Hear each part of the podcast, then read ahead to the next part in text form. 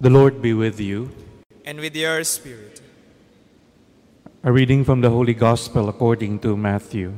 Glory to you, O Lord.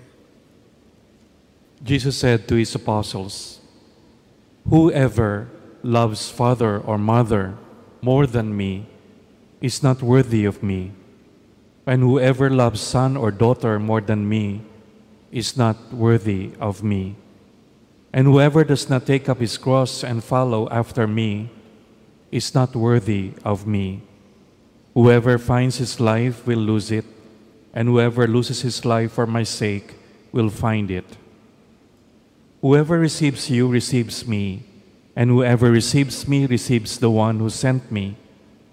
Whoever receives a prophet because he is a prophet will receive a prophet's reward, and whoever receives a righteous man because he is a righteous man will receive a righteous man's reward. And whoever gives only a cup of cold water to one of these little ones to drink, because the little one is a disciple, Amen, I say to you, he will surely not lose his reward. The Gospel of the Lord. Praise to you, Lord Jesus Christ.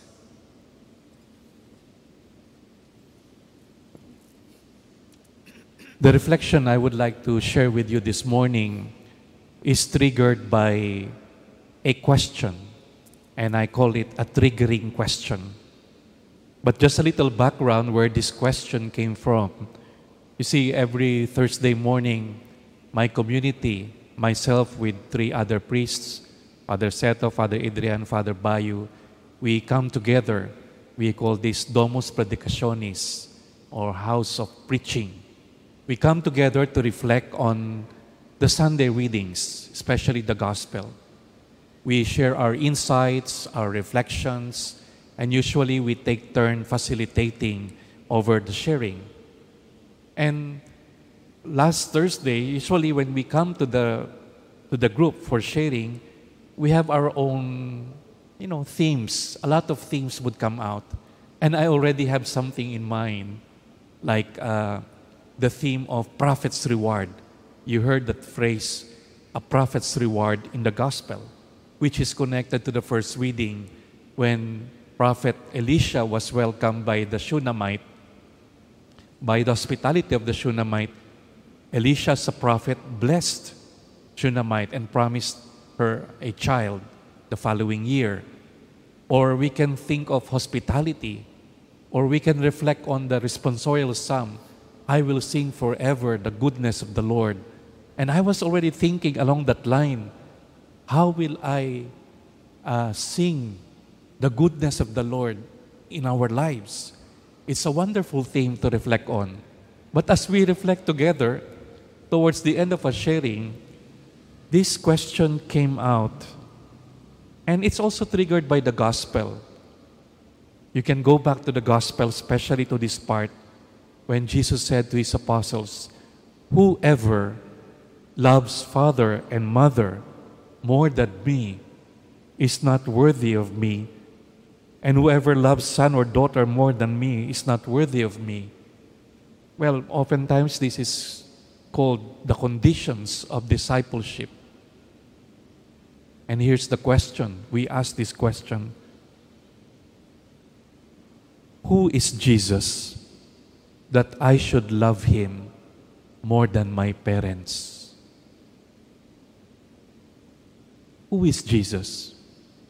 I mean, I got stuck with that question. You know, I, I could not let go of that question.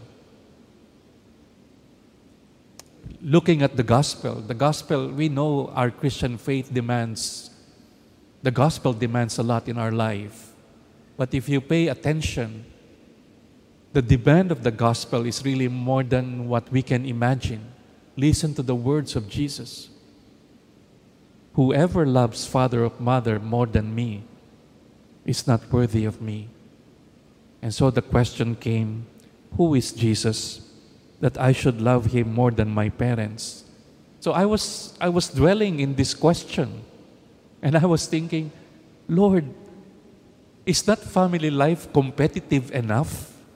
You know, human relationships, very competitive.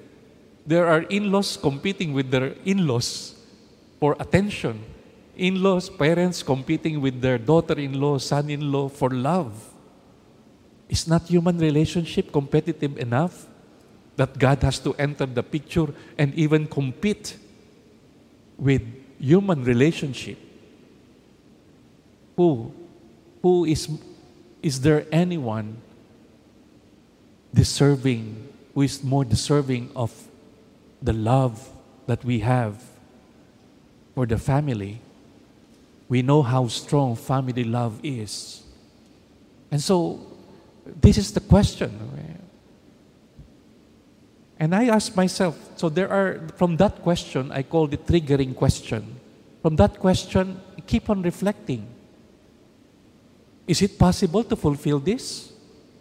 Is it really possible to love God more than our parents or more than siblings? Well, when you look at my brothers here, when you look at uh, vocations, well, we can say yes, there were people who left families, and you know that, we know that, religious vocation, people who entered the, who became nuns, they left their families. For what reason? To pursue their relationship with God. It is out of that love and faith in God.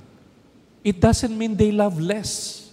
In fact, on the contrary, and this is something that maybe many religious or priests can attest to.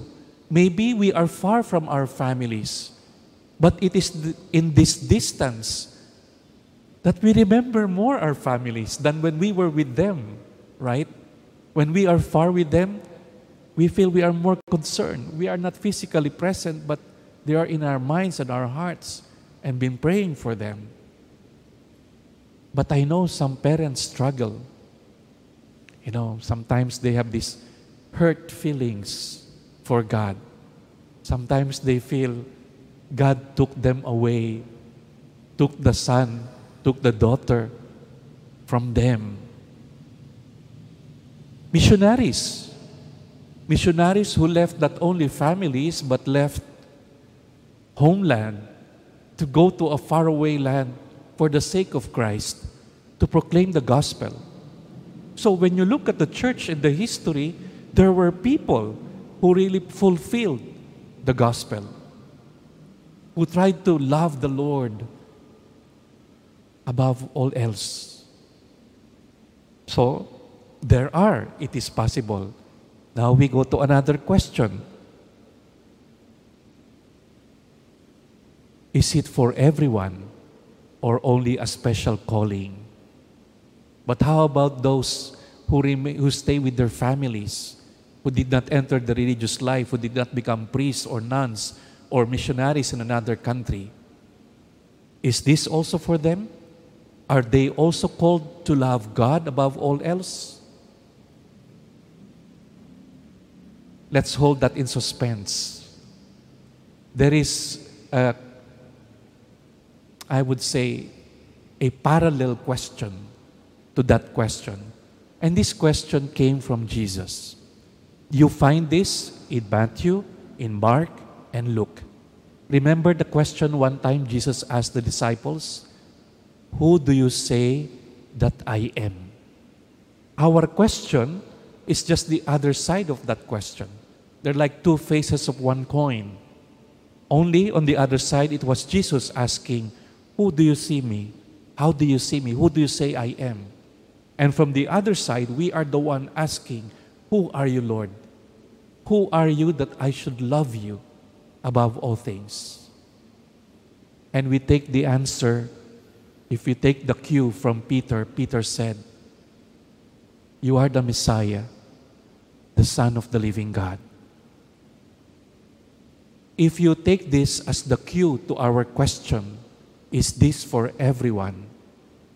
Yes, it is for everyone who confesses that Jesus is the Lord and the Messiah and the Son of the living God.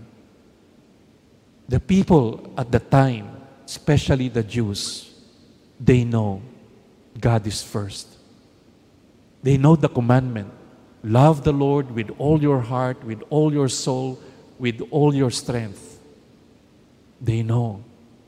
And that's why to recognize Jesus as divine, as Messiah and Lord and Savior, is to give Him that love that is above all else.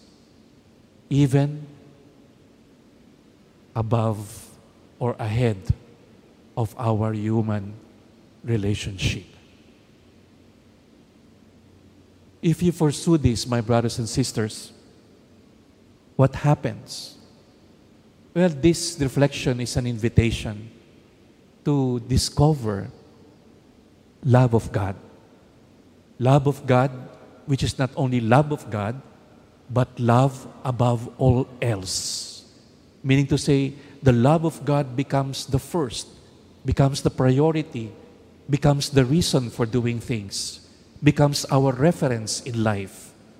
He counts in our life, not only when we have problems, not only when we are down, when we feel weak.